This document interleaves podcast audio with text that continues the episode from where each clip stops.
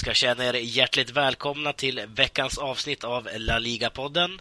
I eh, veckans avsnitt ska vi bland annat avverka det galiciska derbyt. Eh, vi ska snacka om några andra matcher som spelades under denna väldigt underhållande nio omg nionde omgång av La Liga, ska jag säga. Ehm, vi ska även fokusera en hel del på Real Madrid i del två av det här programmet. Ehm, Daniel Jakobsson heter jag och jag befinner mig fortsatt längs den spanska solkusten och eh, tyvärr har jag inte lyckats få till Eh, ett bättre internet ännu, eh, som jag lovade förra veckan. Men eh, efter att ha lyssnat igenom förra veckans avsnitt så tyckte jag ändå att det lät helt okej okay, trots allt. Um, som vanligt befinner sig Sam eh, uh, Sairi med oss här via Skype och i aningen kyligare Uppsala skulle jag kunna gissa. Um, Kipasa, Sam? Det är bra. Det är kallt men det funkar. Jag tar mig fram fram i, i Uppsala-blasket och det regnade idag. Jaha, är det lite eh, blask där nu hemma? Ja, lite blaskigt. I alla fall här. Nej, inte blaskigt kanske. Inte så blandat med snö, men det är blött. Ja, det är lite blötare än här kan jag säga. För här var det ja. fruktansvärt varmt idag. Um, så att man får svettas lite grann här. Kanske det som leder till min huvudvärk som jag berättade för er nyss här att jag har. Um, med oss den här veckan har vi även Soroush Hassanspor som gör sitt fjärde inhopp, tror jag, kanske femte inhopp i podden. Uh, men det första för den här säsongen. Uh, hur är det att vara tillbaka, Soroush? Det känns bra. Jag har själv nästan tappat räkningen. Så jag tänker räkna in mig själv som en veteran i alla fall. ja, absolut. Du, ja, du, du, är en av dem som har varit med flest gånger skulle jag tro. Där. Du och Soran tror jag kanske leder den listan. Eller vad tror du Sam? Ja, jag tror det är Sorush och Soran och Jens är väl där uppe och konkurrerar. Han var med i år eller? Vann han där? Jo, Jens var ju, var ju vår första Jens gäst. Var med. Han var vår första gäst. Ja lite tradition, traditionsenligt. Ja, det, det, är lite så. Jag börjar med Spanien-redaktören, sen jobbar vi oss vidare. Eh, men vi ska hoppa på eh, första programpunkten här och som vanligt så är det då veckans fråga eh, som är inskickad av Edvin Brage. Jag, tror jag känner igen det namnet. Jag tror vi har fått en fråga av honom tidigare någon gång. Ehm, han har skickat in den till laligapodden gmail.com och dit skickar ni andra skicka era ämnen, frågor, synpunkter och så vidare. eller så gör ni det via Facebook. vi länkar numera Facebook Eh, sidan här i artikeln också. Så att eh, gör gärna det, gå in och ställ lite frågor och så vidare. Det är jättekul tycker vi. Eh, men Edvin Brages fråga lyder i alla fall. Det finns flera spanjorer som spelar i andra ligor i världen. Jag undrar vilka spelare ni helst skulle vilja se återvända till La Liga. Personligen så saknar jag Borja Valero, Bojan Kirkic och Thiago. Eh, Sam, jag bollar över den här frågan till dig. Uh, ja, jag skulle skriva under på det sista namnet där, Thiago, helt klart. En, en talang som har gått ja, förlorad från spansk fotboll och allt är mitt Barcelonas fel genom att, jag vet inte vad som hände. Eh, förtroendet fanns inte och det tycker jag är helt eh, det är konstigt för att det, det, är kanske en av de största mittfältstalangerna som har kommit fram på senare år och nu har ju lite skador i och för sig satt stopp för hans utveckling men när han är på topp då är det ju i stort sett en världsklass mittfältare så jag vet inte riktigt hur ledningen resonerar där men eh, ja, vad finns det mer? Jag är ju förtjust i David Silva, skulle jag gärna vilja få tillbaka till Spanien. En fantastisk spelare i sina bästa stunder. Mm. Sedan kan vi väl ta Eh, varför inte Soriano? En fruktad målskytt som jag, som jag tror skulle göra det bra i Spanien. Mm, Jonathan tänkte du? Ja, Jonathan. Ja, eh, samma fråga till dig då Soros. Vilka spanjorer saknar du i La Liga just nu? Eh, den jag mest hade velat få tillbaka är faktiskt Mata. För det, var en, eh, det är en sån sympatisk figur också. Han verkar vara en jättetrevlig människa. Men det är också att jag nog förknippar just han och både David Silva och han med ett, en härlig upplaga av Valencia. Så det, det är lite den, eh, den känslan jag längtar tillbaka till egentligen. Just det. Eh, lite grann där också med David Villa, men han är väl i New York eller sådär så snurrar. Eller om han har lagt skorna på hyllan, det vet jag i och för sig inte. Eh, men en spelare som jag saknar, det är ju såklart Xabi Alonso. Eh, och inte i Real Madrid då, utan det skulle vara ganska häftigt att se honom återvända till Real Sociedad. Eh, hans, eh, han är ju egen produkt därifrån, så att det skulle vara kul att se honom tillbaka i i den eh, klubben. Det lär väl inte hända kanske, men eh, det skulle vara häftigt i alla fall.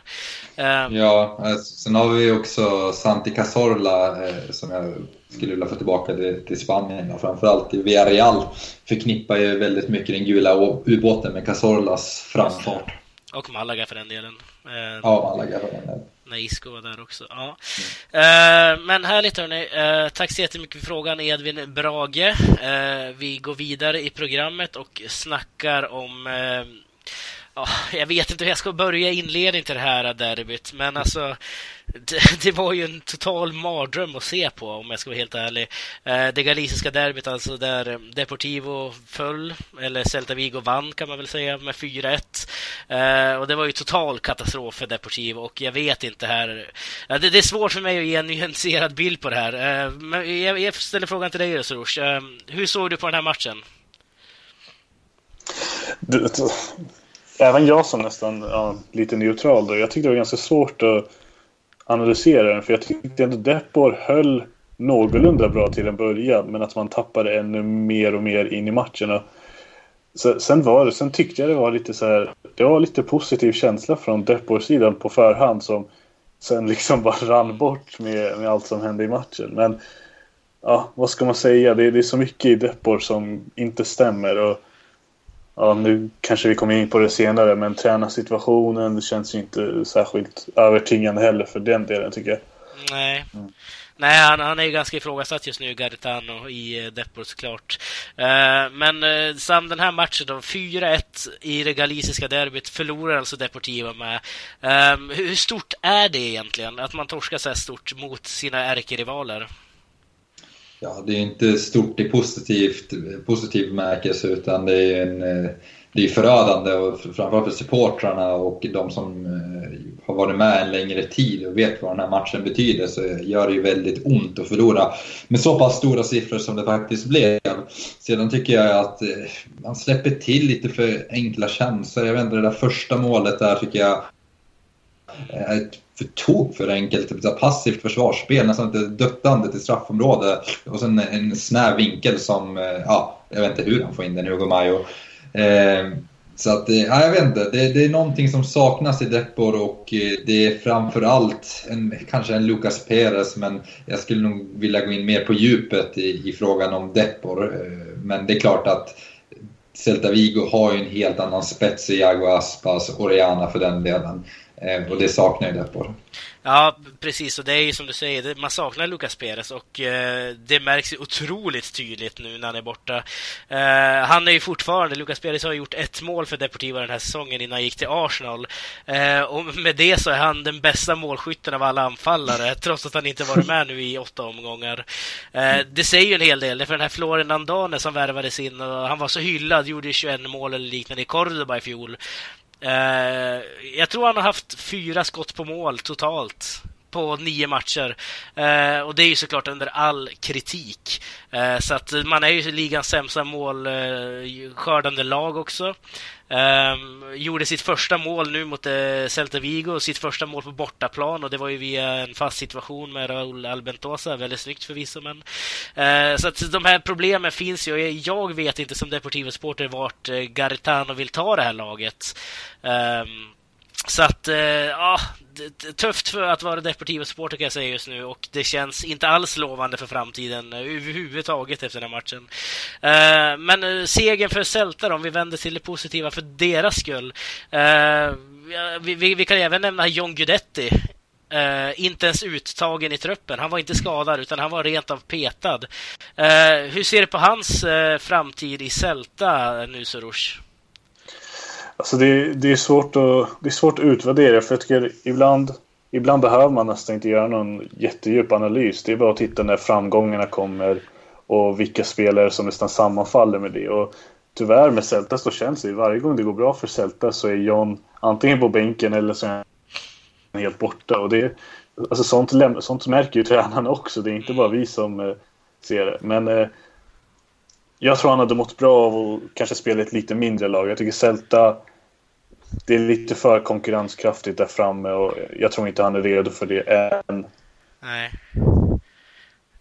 Uh, men uh, Guidetti här, han var ju, fick ju spela i uh, Europa League uh, mot Ajax. Eh, vart ju där utbytt och det är ju där man, det går lite snack nu om att han Eh, det, det, var därför han var petad i den här matchen, just på grund av att han visade sitt missnöje till Berizzo när han vart utbytt. Um, och eh, han har återigen hamnat i den här lilla dåliga, vad ska man säga, eh, onda cirkeln någonstans. Att när han väl får spela så klagar han för att han blir utbytt och det går dåligt och sen så blir han helt petad. Det har hänt i tidigare klubbar för honom. Um, vad, hur ser du på hans framtid, Sam? Den är, känns oviss och det, det, han har inte riktigt fått förtroende till Celta Vigo som han förmodligen själv hade hoppats på. Och speciellt nu när Noliti försvann i sommar så tror jag att han eh, ville ta en av de här tre anfallsplatserna som Celta Vigo har. Eh, problemet är väl att han är en så pass central orienterad forward så att han konkurrerar i stort sett med Jago Aspas eh, och inte till exempel med Oriana eller någon annan för den delen. Och det, det blir svårt att ha dem samtidigt på plan. Ja, de, de, de, är ju väldigt lika på många sätt. De, vill, de jobbar efter samma bollar. Eh, jag tror att det är lite för hård konkurrens för John Guidetti nu och det är en ond cirkel just för att han inte får det här förtroendet heller och precis som Soroush var inne på att när han väl har ändå lite spelminuter i benen, då är det ofta det en period det inte går lika bra för Celta. Eh, och det är ju lite otacksamt. Så att, eh, och sen den här, ja, den här onda cirkeln med att han visar sitt missnöje när han blir utbytt som kanske kan få konsekvenser, vilket det fick nu. Men ja, jag vet inte, det, det är svårt att göra en alldeles för djup analys kring John Guidettis situation. Men ja, det skulle vara kul om han får lite mer speltid nu framöver. Precis. Eh, men eh, Iago Aspa som du nämnde gjorde ju två mål här för Celta Vigo, varav en på straff. Eh, men det är ju ganska ikoniskt att det är just Aspas som gör de här målen också mot Deportivo. Han har ju tidigare varit mycket käbbel med Deportivo-supportrarna framförallt, där han säger att han är en antideportivista. Hans bästa minne från Deportivo är när Diego Tristan blir nedsparkad av Wagner i ett galisiskt derby 2002.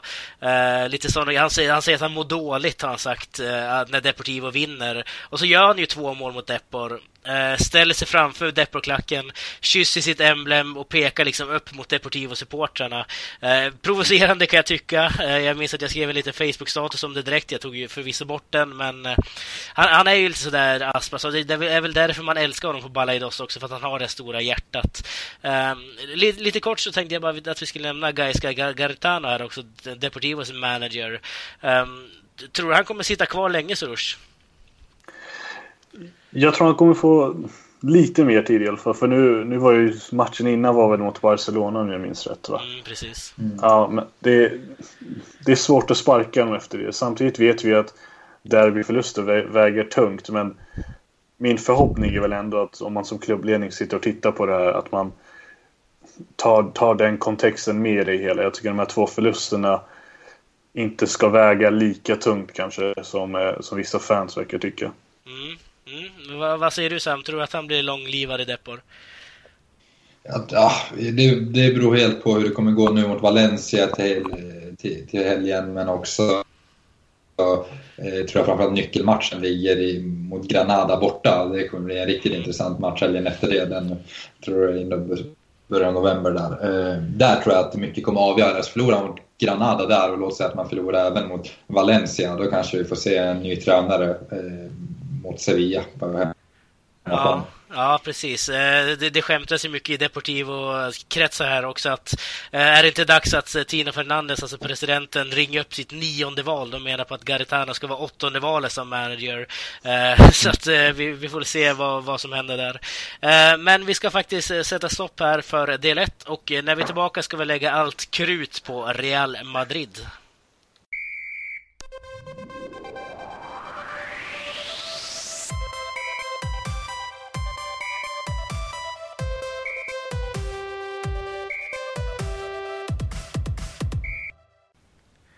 I helgen lyckades Real Madrid förlänga sin svit på antalet matcher i La Liga utan förlust till 21 matcher eh, sedan Athletic Bilbao slagit tillbaka med 2-1 hemma på Santiago Bernabéu. Eh, den här matchen mot Athletic Serouche, eh, hur var den? Det var en ganska svår match. Jag tyckte på förhand så var väl Real, Real såklart favoriter men statistiken talade inte för Bilbao. Men i och med att det inte har sett helt 100% ut de senaste matcherna så ja, det fanns ändå tvivel där. Det kan man inte ljuga om nästan. Det kan vi inte vifta bort. Då. Det, det, har roterats mycket i elvan till exempel. Så det, det är stor, stor osäkerhet i, runt Real Madrid för tillfället skulle jag säga. Alldeles oavsett motstånd egentligen. Ja, eh, vinner man den matchen rättvis i slutändan tycker du? Ja, alltså sett till att man dominerade ganska mycket och jag är en sån som alltid tycker att resultatet i slutändan om inte domarna påverkat alldeles för mycket ändå reflekterar matchen bra. Det är, för, det, det, det är den rättvisan som gäller liksom. Mm. Men eh, Bilbao hotade, Bilbao hotade väldigt bra. Och de, jag tycker de utnyttjade Real Madrids svagheter riktigt bra. Speciellt med... De pressade mycket på kanterna till exempel och det har, det har Real haft problem med nu när Casemiro har varit borta. Det har inte varit någon som har täckt upp när, när, mitt, när ytterbackarna har dragit iväg på äventyr. Så Bilbao, Bilbao, ska inte vara, Bilbao ska inte skämmas för insatser men eh, det var en välförtjänt vinst i slutändan tycker jag ändå. Mm. Ja, vi snackade ju förra avsnittet med Jakob då, som är Athletic Bilbao-supporter eh, om den här positiva andan som verkar finnas i Athletic just nu. Och de spelar ju ganska bra fotboll också och var ju inte alls eh, eh, speciellt rädda för att komma till Bernabéu. Eller hur ser du på det här Sam? Tycker du att Athletic stod upp bra som Soroush är inne på? Ja, det gjorde de verkligen och eh, jag tror inte någon hade Eh, tyckte det var orättvist om Bilbao hade fått med sig en poäng där. Kanske till och med tvärtom, att det speglade väl kanske matchbilden mer. Att det borde ha blivit ett kryss och man skulle kunde ju ha fått ett kryss när Iñaki Williams kom fri där efter Varans eh, katastrofala hemåtpass. Så att, eh, ja, det var lite ineffektivitet och ja, lite spets då som återigen blev skillnaden mellan att vara Eh, ett Real Madrid eller Bilbao. Just det här lilla extra, eh, en slags vinnarkultur som, som gav Real Madrid den här segern i slutändan. Ja, eh, och det var ju en hel del missade chanser från Real Madrid också ska vi säga. Ronaldo hade ju en del lägen som han brände. Mm. Alvaro Morata kom in och avgör den här matchen till ehm, hur går det för Morata i Real? Det var ju ändå en av era få sommartransfers den här sommaren. Jag tror, det, jag tror man vill att Morata ska lyckas och man vill att man vill att det ska gå hur bra som helst för honom. För jag tror, jag tror man tittar på honom och fortfarande ser så mycket av Morientes i det. Så man, det är klart man hejar på honom, men jag har inte varit övertygad om att han har det som krävs för att göra det vecka ut och vecka in. Utan det är just de här, den här typen av prestationer han, eh, han bjuder på. Han var ju med i Champions League eh, Champions League-vändningen första veckan när man vände, vände matchen och, och vann. Och det är lite det Morata har kunnat erbjuda. Annars ser jag inte riktigt honom som en ersättare till Benzema. Jag vet att Madrid-pressen var lite inne på det och vi vet ju alla hur de, hur de hejar på sin egna. Men han har fortfarande väldigt lång väg att gå tror jag. Det, det är inte den spelaren än. Mm. Jag håller med om det Sam, eller kan han vara en ersättare till Benzema ändå? Jo, han, han kan vara en ersättare till Benzema Benzema i, framtiden. Men ska man vara ärlig så är ju Karim Benzema en mycket bättre forward. Så jag tror det blir svårt ändå att få den här startplatsen i de här viktiga matcherna om båda vore friska. Så att jag, jag tror att det är en bra spelare. Det är ändå bra att man har fått in honom. Man får en helt annan bredd och det har varit lite tunt när Benzema har gått sönder tidigare. Så nu har man ju en, en rotationsspelare slash backup i Morata och det är inte alls fysiskt Nej, precis. Man hade stora problem med det i fjol framförallt när man eh, hade Benitez, när man inte hade någon egentligen som kunde spela anfall. Då hade man ju Ronaldo där ibland. Eh, men Ronaldo ryggen mot mål vet vi, det är ju inte hans styrka överhuvudtaget. Eh, men innan den här matchen mot Athletic Bilbao, jag tänkte att vi skulle gå in på det, så skrattade ju Zinedine Zidane åt den här frågan. För man har ju börjat ifrågasätta BBC, alltså Bale, Benzema och Cristiano. Eh, och då, då, var det någon journalist som sa, frågade om han... Det är klart han kommer säga att det inte är så. Eh, men då, då, menar man på att de var tre medelmåttor, de här tre spelarna. Eh, och det, det, är ju lite kontroversiellt sagt, bara det kan jag tycka. Eh, men eh, finns det någon relevans i den här frågan, eh, Soros? Soros? Ser att det händer någonting med BBC? Är det samma BBC som för ett eller två år sedan? Alltså medelmåttig är de absolut inte. Jag tycker det är ju tre av världens individuellt sett bästa spelare. Kanske topp top 10 skulle jag nog kanske definitivt säga bland offensiva spelarna. Men jag tror grundproblemet med BBC är att de bara fundamentalt sett inte kompletterar varandra på något, på något sätt. Eh, man tittar ju mycket på Barcelonas motsvarighet med Neymar, Suarez och Messi. Och jag tycker att de tre passar varandra så otroligt bra. De, de, de, har, de har styrkor och svagheter allihopa som i grupp funkar bra. Det har inte, det har inte Real, Madrids, Real Madrids upplaga. Och det är det, som, det är det som leder till att man ja, väldigt ofta backar hem till det här med inläggsspelet och ja. det, det, det spelar för nästan 3 miljarder ungefär och de blir liksom någon glorifierad Andy Carroll-variant nästan ibland. Ja, eh, samma fråga till dig där Sam. Kan du förstå relevansen i den här frågan eller är det helt eh, obefängt att ställa den här frågan till, till att börja med?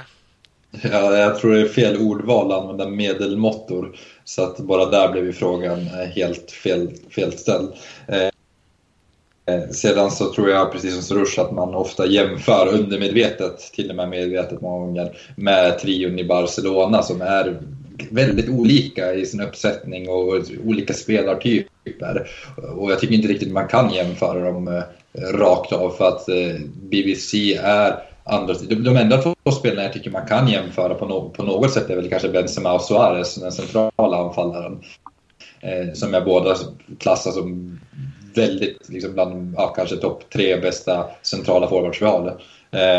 Men just när vi kommer till Neymar och till eh, eh, Messi kontra Ronaldo och Bale, där är det så olika spelstilar. Just det här att Cristiano och Bale är ju mer skolboksexempel. Ehm, de är ju fysiska monster som verkligen kommer till sin rätt i det här kontringsspelet där de får springa sönder motståndarna och komma in rätt i löpningar. Medan Messi och Neymar har ju, har ju ett helt annat spelsätt. Just att man har en annan kreativitet och finess och fantasi. Eh, och det, det gör att ibland kan det se kanske till och med sämre ut än vad det är när, när Ronaldo och Bale ställs, ställs mot, i situationer mot motståndare när de ska börja luckra upp försvar genom ren kreativitet när den inte finns på samma sätt som hos de andra två. Nej, eh, det var lite intressant. Jag tror vi var inne på det förra veckan, eller förra, förra veckan, om just Ronaldos form just nu, Soroush. Eh, jag vet inte om du hörde på det lilla utlägget som Sam hade. Vi, vi har ju hört dina åsikter i det här, Sam. Eh, men jag tänkte att jag skulle vända mig till dig här nu, Soroush. Ehm, just det här med kreativiteten i Ronaldos spel, om man jämför när han slog igenom, den finns ju inte riktigt där kan jag tycka. Han hade ju skandalöst dåligt eh, snitt på antalet lyckade dribblingar och så vidare. Eller ens att han försökte dribbla, det, det gör han knappt längre. Um, hur ser du på Ronaldos nya roll i Real Madrid, Soros? Jag tror... Som, som med så mycket annat så är det ju det är en fråga om ålder med de här spelarna. Och egentligen blir problemet hur väl de kan anpassa sig. Hittills tycker jag Ronaldo har anpassat sitt spel otroligt bra. Han har inte samma det är inte samma dribblingar och allt det där. Men det, det, det är det som är så svårt att tolka med, med Ronaldo också. Nu var han fantastiskt bra förra veckan mot Betis tycker jag, utan att göra mål. Han var otroligt delaktig i spelet. Mer än kanske jag någonsin har sett honom. Mm. Men så får man se honom till, till den här helgen och nu var han helt plötsligt inte alls lika delaktig och nu verkar han vara frustrerad över att han inte kunde göra mål. Och det är just den mentala aspekten som jag, som jag tror kommer bli intressant för nu snackades det också om kontraktförlängning och det vet jag många Real Madrid-supportrar går, eh, går eh, i delad åsikt om. Just är Ronaldo villig att ta den här nya rollen kanske som inte lika målgörande men mer eh, ledarroll nästan på planen, kanske även utanför. Ja, det, det, skulle vara intressant såklart. Det är många spelare som har gått den vägen i fotbollshistorien, så han skulle inte vara ensam om det direkt. Eh, men eh, man såg ju det mot Legia också kan jag tycka, att den här lilla frustrationen växer i dem. Han får inte in de här bollarna som man vanligtvis gör mål på liksom. Eh, så det är klart att det sätter sig i huvudet på en sån vinnarskalle som Ronaldo. Ehm, en annan vinnarskalle, Zinedine Zidane. Ehm, hans lag är ju nu fortfarande etta i La Liga, eh, obesegrade. Eh, så att någonting rätt måste han ju göra med det här Real Madrid, Sam. Eh, vad är det du ser för styrkor i Zidanes upplägg i detta Real Madrid? Nej, men jag tror den största tillgången med Zidane och det han har bidragit med sedan han kom in är ju att få gruppen att fungera och att få spelarna att jobba åt samma håll. Det känns som att han har en slags grundrespekt just för att han är Zidane.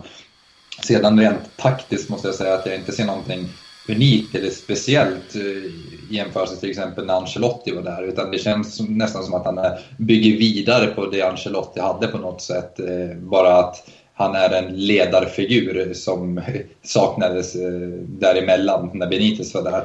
Så att det Zidane bidrar med det är ju framförallt sin, sin respekt, sin professionalism och eh, sin, sina ledarskapsförmågor att få gruppen att må bra och att få spelare att prestera. Och det, det kanske låter eh, enklare, eller enkelt, men det är nog svårare än vad många tror. Ja, eh, vad tycker du Soroush att sedan har satt för stämpel på det här laget sedan han tog över från Benitez? Eh, han värvade ju knappt någonting i somras och till vintern och nästa sommar får han ju inte heller värva. Eh, tror han är nöjd med den här truppen och som sagt, vilken stämpel lämnar han på Real Madrid? Jag tror truppen, jag tror, jag tror han är supernöjd med truppen. Det, det tror jag absolut. Och det är nog den, det är nog den bästa Real Madrid-truppen jag har sett på många år egentligen. Det, aldrig varit så här mycket bredd och så här mycket talang egentligen på bänken. Och det ser man ju både liksom Isko och Kovacic som jag tycker kliver in och gör det riktigt, riktigt bra. Men eh, jag håller bara med, jag håller med Sam egentligen. Jag tycker inte att han taktiskt ännu riktigt har hittat sin, ja, sin identitet. Men samtidigt kan man, kan man kanske inte kräva det heller. Om man, om man jämför med Luis Enrique och Pep Guardiola, och det är väldigt nära till hans att göra det, så fick ju de möjligheten att verkligen i, ja, i andra divisioner verkligen hitta sin fotboll och sätta sin prägel på, på lag innan de gjorde det ja, med liksom, på liksom huvudscenen. Och Luis Enrique var i både Roma och Celta innan han verkligen landade helt rätt in i Barca. Zidane har ju inte riktigt den möjligheten och därför blir det lite att han får testa sig fram och det, det, tycker jag man märker egentligen på väldigt mycket av det han gör. Att, ja, nu i veckan i Champions League spelade han eh, James och Kroos och Asensio en jätteoffensiv mittfältstrio som nog inte funkade så jättebra och nu i helgen backade han lite. Så, men det är också intressant för vi får ju oftast inte se det här utan ofta ser vi tränare som kommer in i de här storlagen, sätter sina elvor och sen rider ut på det på gott och ont nu med Zidane så får vi ju se det här experimenterandet och det tycker jag det är nästan lite bra också för oss som tittare för vi får en liten inblick i hur det kan vara, hur svårt det kan vara att verkligen sätta det här eh, och hur lång tid det kan ta innan det blir helt perfekt. Mm, mm, det, det, det, är såklart väldigt svårt det där eh, att hitta balansen. Um, men med det här transferförbudet som vi var inne på lite kort här, med, som man har till vintern och sommaren. Uh, hur påverkar det Real Madrid och Zidane tror du, Sorush? Jag var ju inne på att de redan på förhand visste att det här skulle landa någon gång och vi såg det förra, och runt förra vintern egentligen när Real Madrid började tokvärva när det kom till spelare som var under 20 eller under 18 också. Så jag tror man var inne på att det här nästan skulle hända och som truppen ser ut just nu så tycker jag att man är bättre rustade för det här än Barcelona till exempel var när deras transferbud slog ner. Nu har man ju ganska bra bredd på den här truppen så jag tror det här kan hålla. Eh, jag tror inte transferförbudet kommer påverka alldeles för mycket. Om något så visar ju sommarens transferfönster också det. För ja, om, man, eh, om man hade följt lite kanske i Barcas spår så hade man väl värvat stort då lastat på med liksom, eh, lastat på lagret nästan. Men jag tror man har förtroende till truppen och, och, och till spelarna. Men sen är det ju det Eh, vi under vår tid har ju Real Madrid alltid varit ett liksom, köplag. Och man har köpt stort och det har varit eh, marknadsföring hit och dit. Så det, det är ganska naturligt att det känns udda när, när det är tyst om Madrid för en gångs skull. Ja, precis. Vi var inne på det, jag och Sam och eh, jag tror det var Jens då i första avsnittet här av säsongen att det, det var en liten ny, eh, lite ny, nytt löft, kring, ny löft ska jag säga, kring Real Madrid och hela deras sommar och så vidare. Eh, men eh, vi ska faktiskt eh, sätta stopp här för Real Madrid-delen eh, och när vi är tillbaka så ska vi fortsätta snacka lite grann om den nionde omgången av La Liga.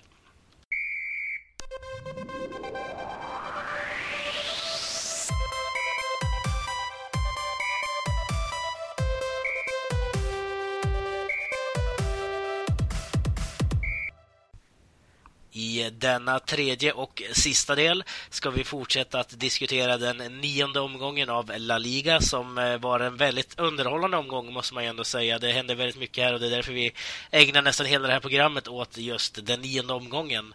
Ehm, Barcelona mot Valencia var en sån match som eh, det har debatterats ganska mycket om efter matchen. Ehm, om, om vi kollar på den här matchen utan uh, att gå in på detaljer, Sam, eller du får gärna gå in på detaljer om du vill. Uh, hur, hur såg du på den här matchen?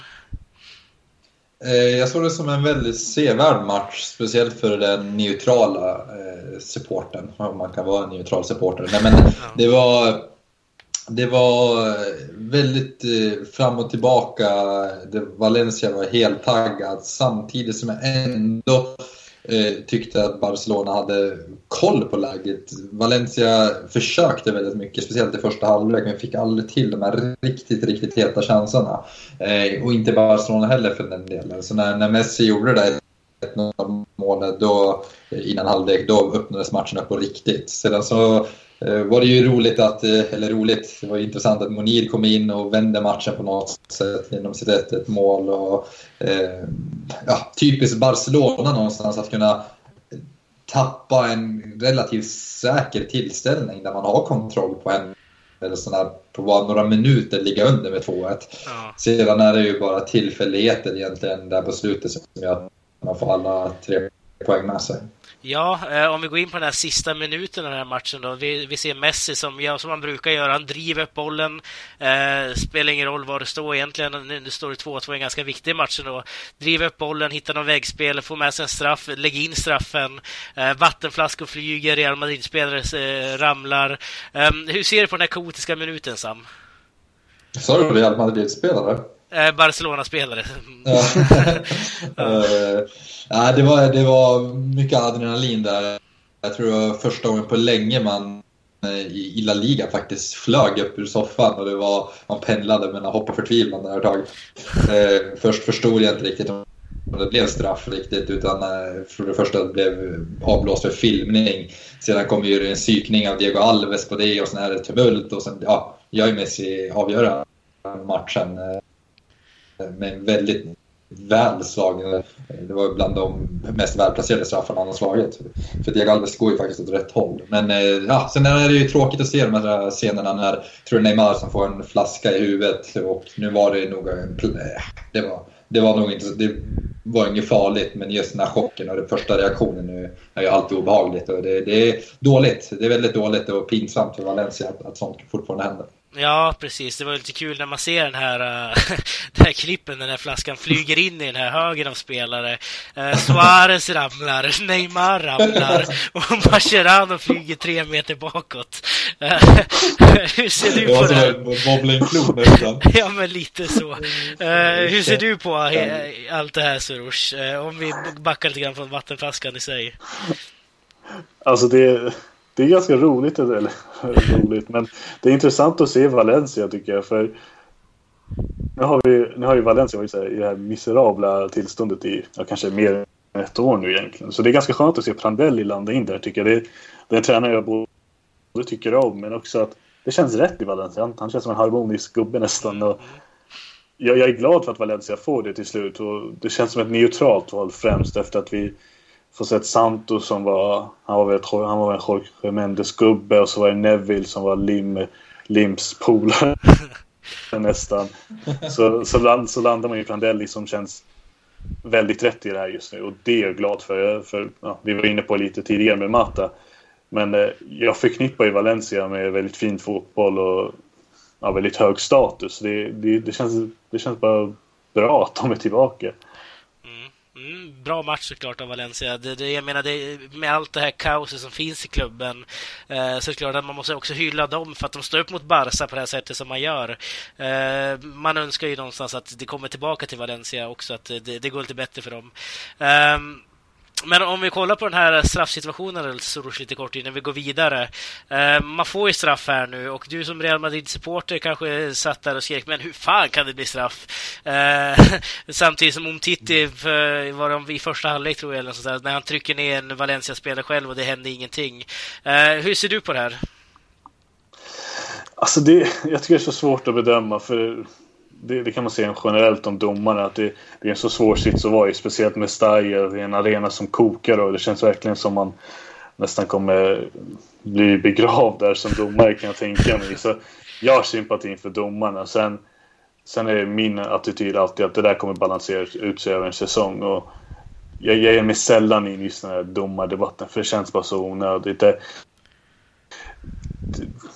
jag tror, jag tror det är en supportersak att man måste diskutera det. Man måste sitta här på måndag och ha jättemånga tankar. Men jag tyckte det var ganska naturligt. Jag hade ingen jättejobbig reaktion faktiskt. Det, det kändes bara, ah, det, det är så här det kommer se ut för Barca. Eh, om man ska vara lite taskig. Men som sagt, det, vi vet ju hur det ser ut. Real Madrid får tveksam beslut, Atletico får tveksam och så vidare och så vidare. Ja, och Deportivo får inte ett skit. Eh, men om vi kollar på nästa match som också var högintressant. Det var ju den här toppstridsmatchen eh, mellan Sevilla och eh, Atletico Madrid. En match som Sevilla vann och därmed gick man även upp i tillfällig serieledning faktiskt, vilket är väldigt imponerande måste man ändå säga. Tills Real Madrid slog Atletico Bilbao lite senare under kvällen. Då. Ehm, Förra veckan så sa jag Sam att Sevilla är eh, kanske det laget som har varit bäst i Spanien i år om man räknar med Champions League och La Liga. Eh, hur bra tycker du att deras säsong har varit hittills, Sevilla, nu när de slår Atletico också? Jo, jag delar den analysen och speciellt om man eh, också ställer allt det du sa i relation till förväntningarna innan så har man ju verkligen överträffat eh, sig själva, man har överträffat eh, många, det som förväntades helt enkelt. Inte med, med så mycket marginal för man tänker att Valencia ska vara någonstans i, i toppen. Sevilla. Ja, Sevilla menar jag. Sevilla ska vara någonstans i toppen.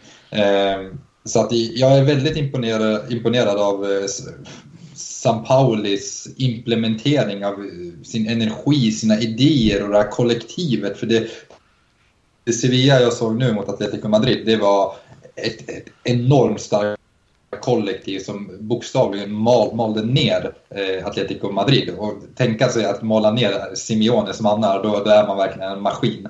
Eh, jag är väldigt imponerad av försvarsspelet som verkligen jobbar eh, kopiöst hårt och det var svårt för Atletico att komma till de här hundraprocentiga chanserna. Sedan, eh, ja, Sevilla blir helt enkelt väldigt intressant att följa nu framöver. Mm, precis, och den här matchen eh, gick ju parallellt också med en toppmatch i Premier League mellan Chelsea och United. Eh, den valde vi såklart bort, eh, men det tänkte jag att den matchen, där kommer det vara en buss. Chelsea United, nu ska vi inte analysera den för mycket, men att det kommer vara en buss och det kommer vara tråkig fotboll och eh, ja, det slutar ju 4-0 till Chelsea. Eh, och då innan matchen så tänkte jag att Sevilla, Atletico Madrid, där kommer det smälla. Det blir mycket mål, det blir mycket fight. Eh, och det slutar 1-0, en ganska tillknäppt tillställning ändå. Sevilla anpassar anpassar sig ju verkligen här efter Atletico Madrid också. Um, Atletico Madrid vill ju vara det här laget som kontrar och liksom gå på omställning. Eh, och Sevilla tänker bara fuck that, vi gör vad det ni gör liksom. Eh, och så vinner man den här matchen med 1-0. Eh, hur imponerade du av Sevillas taktiska spel, eh, Soros? Jag, är, jag är ganska imponerad faktiskt. Och det är, jag hade inte superkoll på Sampoli innan. Jag visste att han, eh, han hade gjort bra i Chile och av det jag hade sett så var han ju en väldigt offensiv tränare. Så jag, jag förväntar mig lite av det från Sevilla den här säsongen. Lite nästan, lite nästan naivt spel. Men mm.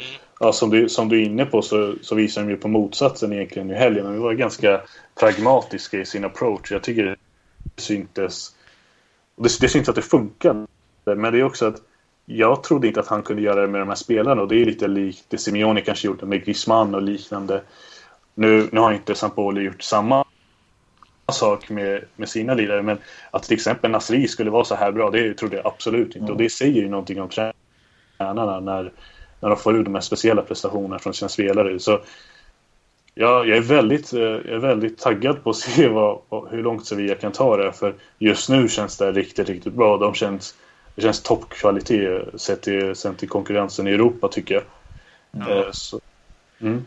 Ja, men jag tänker också att Eh, Eh, jag tror den här, eh, som Surs var inne på, eh, förväntningarna var ju på att Sevilla skulle bara köra på full fart framåt, håll tätt bakåt eller, och sen så skulle man släppa in massa mål. Och det var precis det som hände egentligen första matchen mot Espanyol när det blev 6-4. Och tänkte att ah, det är väl så här Sevilla kommer se ut. Men sedan efter det så har man ju varit liksom, skärpt i defensiven och inte alls släppt in så mycket mål. Så att jag, jag tycker på, på väldigt länge se Sevilla som en intressant eh, kandidat till att verkligen slå sig in. De har alltid varit en kandidat till topp fyra, men kanske ja, röra om i grytan lite där uppe. Mm.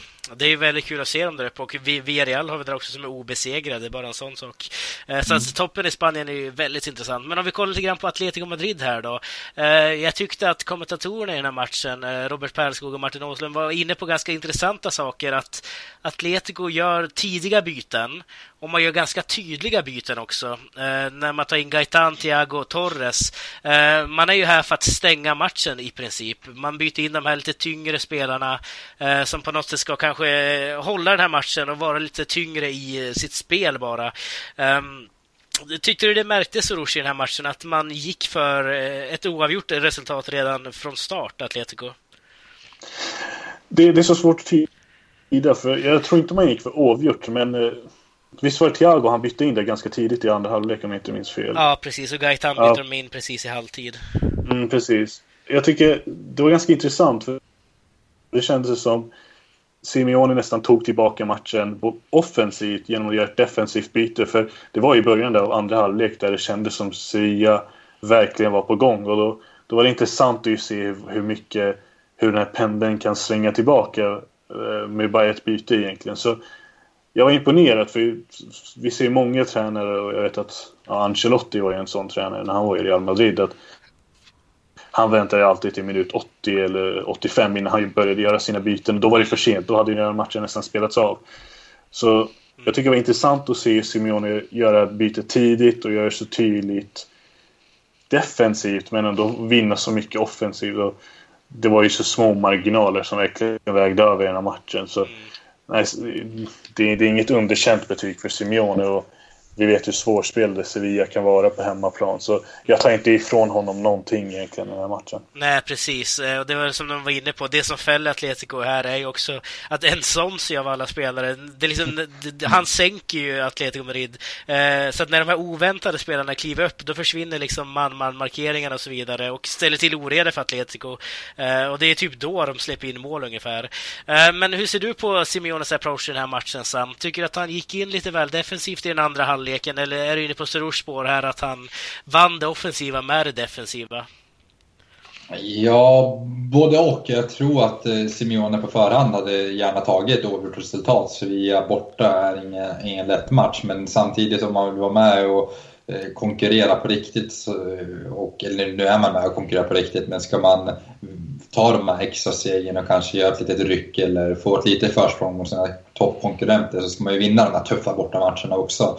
Så att eh, det, det var lite mixade signaler. Just att man ändå gör ett defensivt byte som ändå kanske slog ut väl offensivt. Eh, visar ändå på indikationer på att det inte fanns den här direkta viljan eller det här, det här eh, Simeone-goet för att verkligen få de här tre poängen. Men jag, jag tycker framförallt att jag vill inte heller ta något från San Pauli för att han han vinner den här matchen taktiskt och han, han gör det så otroligt smart och just det här att det är så man ska spela mot Atletico. Man ska inte gå in i deras fälla. Man ska egentligen bara ge dem bollen och låta dem blotta sig själva. För när Atletico får jobba utan boll eh, och sedan jobba på ytor eh, som uppkommer eh, genom kontringar så då är man så otroligt starka. Mm. Ja, härligt hörde jättebra eh, ligaomgång måste man säga generellt i och med att vi spenderar ett helt avsnitt till att snacka om det här. Um, Hoppas att nästa vecka blir lika fantastisk. Eh, men vi, vi ska faktiskt börja runda av eh, avsnittet här nu. Eh, men vi ska gå in på veckans match som vi tippade förra veckan och det var ju då det galiciska derbyt vi tippade. Slutade ju 4-1 till Celta Vigo. Jakob Nilsson som var med förra veckan, vår gäst då, han tippade 2-2 i den här matchen. Jag tippade ju 1-2 till Deportivo. Och du Sam, du tippade 2-0 till Celta Vigo så att du får ju med en pinne där då, tyvärr. Mm. Um, men den här veckan så tänkte jag att vi skulle tippa Real Betis mot Espanyol. Och uh, Sam, du får börja. Uh, jag tror Espanyol ska... Det är dags nu för Kike Sanchez att ta en trepoängare, så man vinner med 1-2. 1-2, okej. Okay, ja. Mm. Um, då tänkte jag att jag skulle tippa den här så får du köra sist Soros. Uh, jag tänker att uh, Kike Sanchez uh, Flores kommer kanske att behöva lämna efter den här matchen. Uh, därför det har gått väldigt kast här för Espanyol. Jag tror att Betis vinner med 2-0. Um, vad tror du Soros? Uh, jag har ju lite hjärta för Betis så jag säger 1-0 Betis och det är, det är verkligen med hjärtat jag, jag röstar ja. på den nästan. Ska jag säga. Jaha, du har hjärta för Betis också? Det visste inte jag. Ja, lite. Alltså det, men det, det är så här ett lag så det måste man ju ha nästan. Ja, det är nästan ja. obligatoriskt. Okej, det var faktiskt ny. Annars brukar man säga det om Deportivo. Nej, men eh, Ruben Castro avgör kanske med 1-0. Eh, antar jag att du menar. Eh, men Sam, din veckolista, kör hårt. Ja, vi börjar i vanlig ordning med veckans Tokero och vi har väl varit inne på det egentligen och det är såklart Jorge Sampaulis taktiska triumf eh, mot Simeone och Atletico Madrid. Men eh, också kan vi väga in eh, hela hans säsongstart med Sevilla som ser otroligt spännande ut och eh, dags för San Paolo få känna på hur det är att vara veckans Tokyo. Mm, det är stort. Ja, det är stort. Eh, veckans Faber då? Veckans favör hämtar vi faktiskt, eh, även om Barcelona-spelarna flög som eh, käglor, bowlingkäglor, så kan vi inte komma ifrån ändå att det, det, där hör inte hemma på fotbollsplanen. Så att, nej, tråkigt när fansen ändå tar, tar, tar sig friheten att kasta in föremål som inte hör hemma på en fotbollsplan. Även du måste ju säga att det var en riktig strike. ja, det kan man ju säga. ja, eh. sedan så vill jag också, en parentes, jag vet inte, jag är inte så förtjust i, i de här målfirandena som Aspas gör, speciellt inte på hemmaplan. Att komma med ytterligare provokationer genom att springa till bortafansen. Det är bättre att på hemmaplan ändå fira med sina egna fans än att springa till Depor-sektionen där. Det, är, det, det, jag vet inte, det är lite onödigt så det är en annan sak om det var på resor när det i stort sett bara är det på fans. Mm. Eh, absolut. Eh, Sorush, köper du listan eller är det någonting du vill lägga till? Alltså jag tänkte bara, jag älskar ju lite det där grisiga även om det är på hemmaplan. Men jag tycker ändå om lite det Aspas gjorde och nu, nu är jag rädd att Daniel inte kommer bjuda tillbaka mig. Men det, det, det är fint på sitt sätt nästan. Ja, ja det är så för dig. ja, nej, men absolut. Jag, jag köper det du säger. Hade det varit, låt säga, Andone som gör sitt första mål så hade jag gärna sett han tysta Celta-supportrarna också. Eh, men eh, tack så jättemycket för att du var med den här veckan, Soros. Vi lär väl höras eh, framöver här igen, kan jag tänka mig. Och ett tack till dig också som vanligt Sam. Vi hörs ju nästa vecka och då är vi tillbaka med en ny gäst och ett nytt program. Och gå gärna in på vår Facebook-sida, skicka kommentarer, likea det vi gör, dela det vi gör. Skicka gärna in. Bjud in. Bjud in, bjud in till alla ni känner. Det är alltid kul när folk uppmärksammar det vi gör. Och um, gå gärna in på, eller skick, skicka gärna mail till våran uh, Gmail också, laligapodden.gmail.com och uh, ställ era frågor, ämnen och synpunkter och så vidare så tar vi upp det nästa vecka. Uh, tack så jättemycket för oss. Hej då! Hej då!